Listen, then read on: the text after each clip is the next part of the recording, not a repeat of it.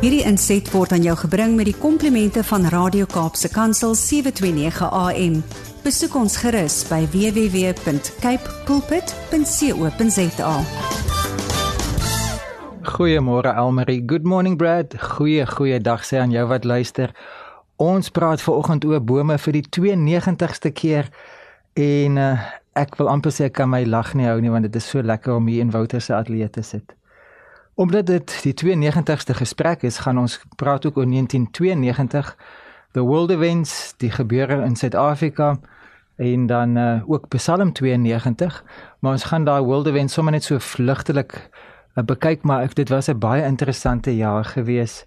Uh, 1992 with the compliments of the University of Guguletu Following the collapse of the Soviet Union in 1991, the Russian Soviet Federative Socialist Republic is renamed the Russian Federation and becomes the successor state to the Soviet Union.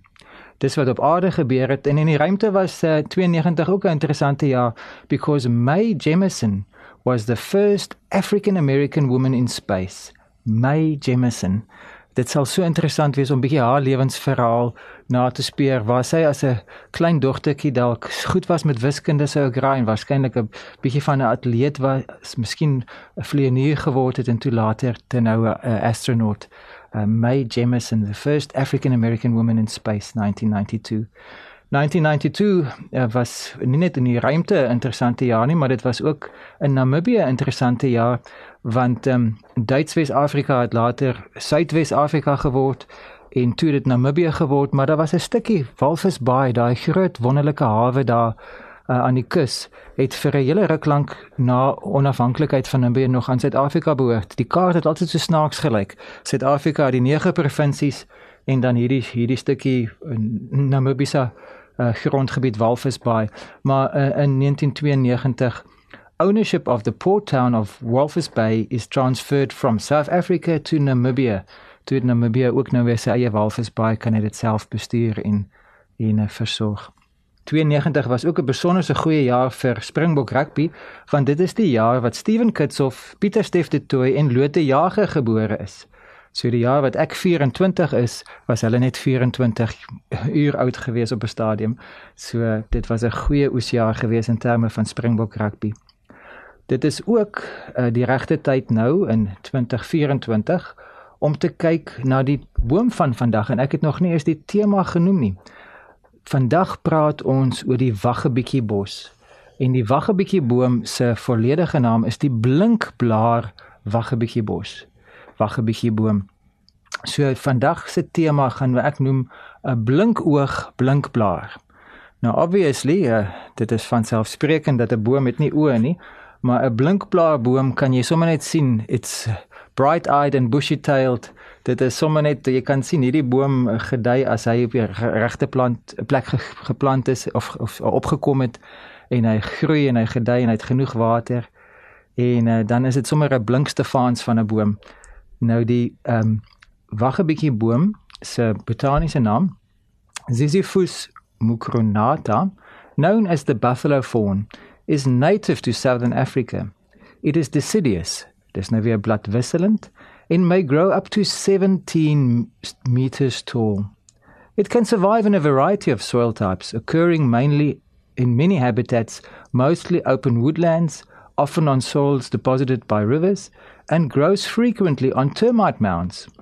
Its Zulu name, Umlashlankosi, alludes to the use of a grave as a grave marker for tribal chiefs, while the Afrikaans name Blinkblaar alludes to the shiny light green leaves and the hooked fawns. Uh, if you want to see the hooked fawns, just watch the Jamie Ace movie uh, The Gods Must Be Crazy. Ek het in verlede uh ons vorige gesprek daarna verwys dat uh, as jy die dorings van naderby wil wil bekyk, uh, Sandra Prinsloo as 'n jong aktrise raak dan verstrengel in daai wagge bietjie dorings, daai regheid en ge ge uh, gebuigde dorings is regtig nogal 'n uh, 'n gevaar om om jy te om te wees.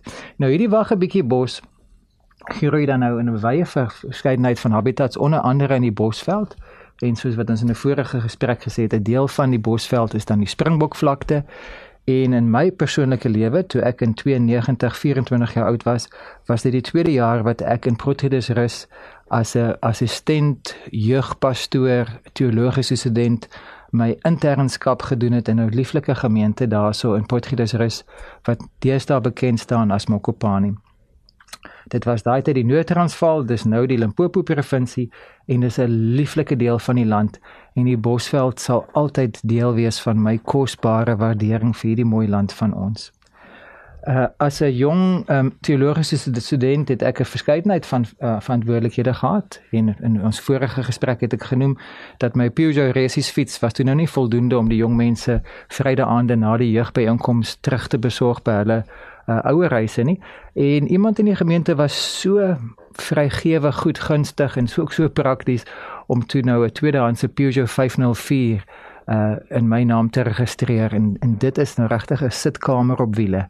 Kyk, 'n Peugeot is 'n kwaliteit motor en 'n Peugeot 504 enigiemand wat hom al gery het of of dan nou verkieslik self besit het sal weet dat die kar is redelik breed, die sitplekke is ekstra breed en dit is dan nou ideaal as mense dosyn jong mense wil na die na 'n jeugbyeenkoms veilig by hulle huise wil aflewer en die verkeerspolisie moet asseblief my nie beboet vir die feit dat as die kar oorlaai het nie. Uh Vrydaande was dit dan nou die hoërskool jeug, die die en ons het hulle die mega mathetai genoem. Dit is Grieks vir die groot disippels. Ek kyk ek was met op daai stadium 'n Bybelskool student, so my Grieks was uh, op sy op op datum geweest. Mega mathetai was die groot disippels. En dan Vrydagmiddag het ons die laerskool maatjies laat bymekaar kom en ons het hulle die makromaters genoem en ons het baie keer geswem want kyk potties is 'n warm plek en dan het ons 'n paar reëls gehad van jy mag nie sing met 'n mond vol kos nie en jy moet uh, kyk of die perde nog vas is en allerlei oulike reëls en ek het 'n klomp oulike maats gemaak onder andere die pastoor die egpaar beweeg geluseer het se se kinders was ook deel van daai groep. En wat 'n voorreg om hulle as laerskoolkinders te sien groei opgroei maar ook groei in die Here. En dan die naskool so die jong jong volwassenes was ons maar net ek en dan twee ander jong manne gewees. En ons het onsself die massive maatjies genoem om nou net te hou by hierdie alliterasie. So alliterasie is nie net as ek oor boomstraat praat nie, dit kom my lewe lank al. So die mega matheta, die macromaters en die massive maatjies was 'n groot deel van my verantwoordelikhede in Potgietersrus se gemeente.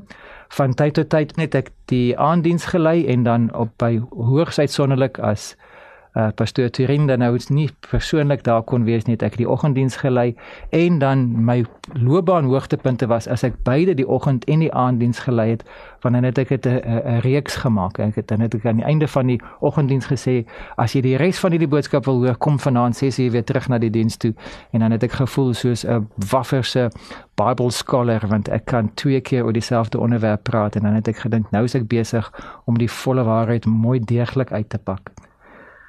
Nou dit was 'n tyd van uh, being bright-eyed and bushy-tailed as mens 24 is en jy is heeltemal gesond, dan werk jy 7 uh, dae 'n week. Ek kan regtig onthou dat daar was ek het altyd een dag 'n maand afgevat, nie een dag 'n week nie, een dag 'n maand. En dan het daai dag het ek altyd Turinse versameling Asterix boeke deurgewerk want ek was 'n man wat op kuifie groot geword het, Tintin en ek het nie Asterix boeke uh, uh onder oë gehad nie en toe ek maar altyd da, my afdag het ek vanoggend tot aand letterlik net daar so in die karavaan waar ek gebly het op uh, Turinse erf het ek die Asterix reeks deur gewerk met die, die toewyding van 'n Asterix scholar. En uh, so eendag 'n maand af en die res van die tyd is mens besig oggend, middag en aand en daar soos 'n uh, wonderlike huisbesoek program Kingdom Advanced Ministries wat ons uh, gedoen het om die, die, die nuwe besoekers aan die gemeente te besoek. En ons het selgroep gehad, dan nou die jeuggroepe waarvan ek gepraat het en dan van tyd tot tyd interkerklike jeugbyeenkomste. Nou al hierdie blink oog het my dan nou laat dink aan Psalm 92 wat ek dan net ter afsluiting wil lees the righteous will flourish like a palm tree. In hierdie geval dan nou nie 'n blinkblaar nie maar 'n blinkoogpalm boom. They will grow like cedars in the Lebanon nog 'n boom. Planted in the house of the Lord they will flourish in the courts of God. They will still bear fruit in old age. They will stay fresh and green proclaiming the Lord is upright. He is my rock and there is no wickedness in him. Mes begin as 'n jong volwassene blinkoog En dan soos wat jy ouer word, dan kom daar 'n blink in jou hare. My my hare het so 'n silwer skynsel Maar ek wil die Here vertrou dat daar nog steeds 'n blinkheid in my oë sal wees want die Here is goed. En 'n gesondheid en krag en energie word minder, maar die Here se genade word meer. Ons bewustheid van sy genade word meer. Kom ons sê saam vir hom dankie daarvoor. Here, soos wat die jare verbygaan, word die liggaam se energie minder, maar ons bewustheid van u genade en u goedheid word meer. In Jesus naam. Amen. Hierdie inset was aan jou gebring met die komplimente van Radio Kaapse Kansel 729 AM. Besoek ons gerus by www.cape pulpit.co.za.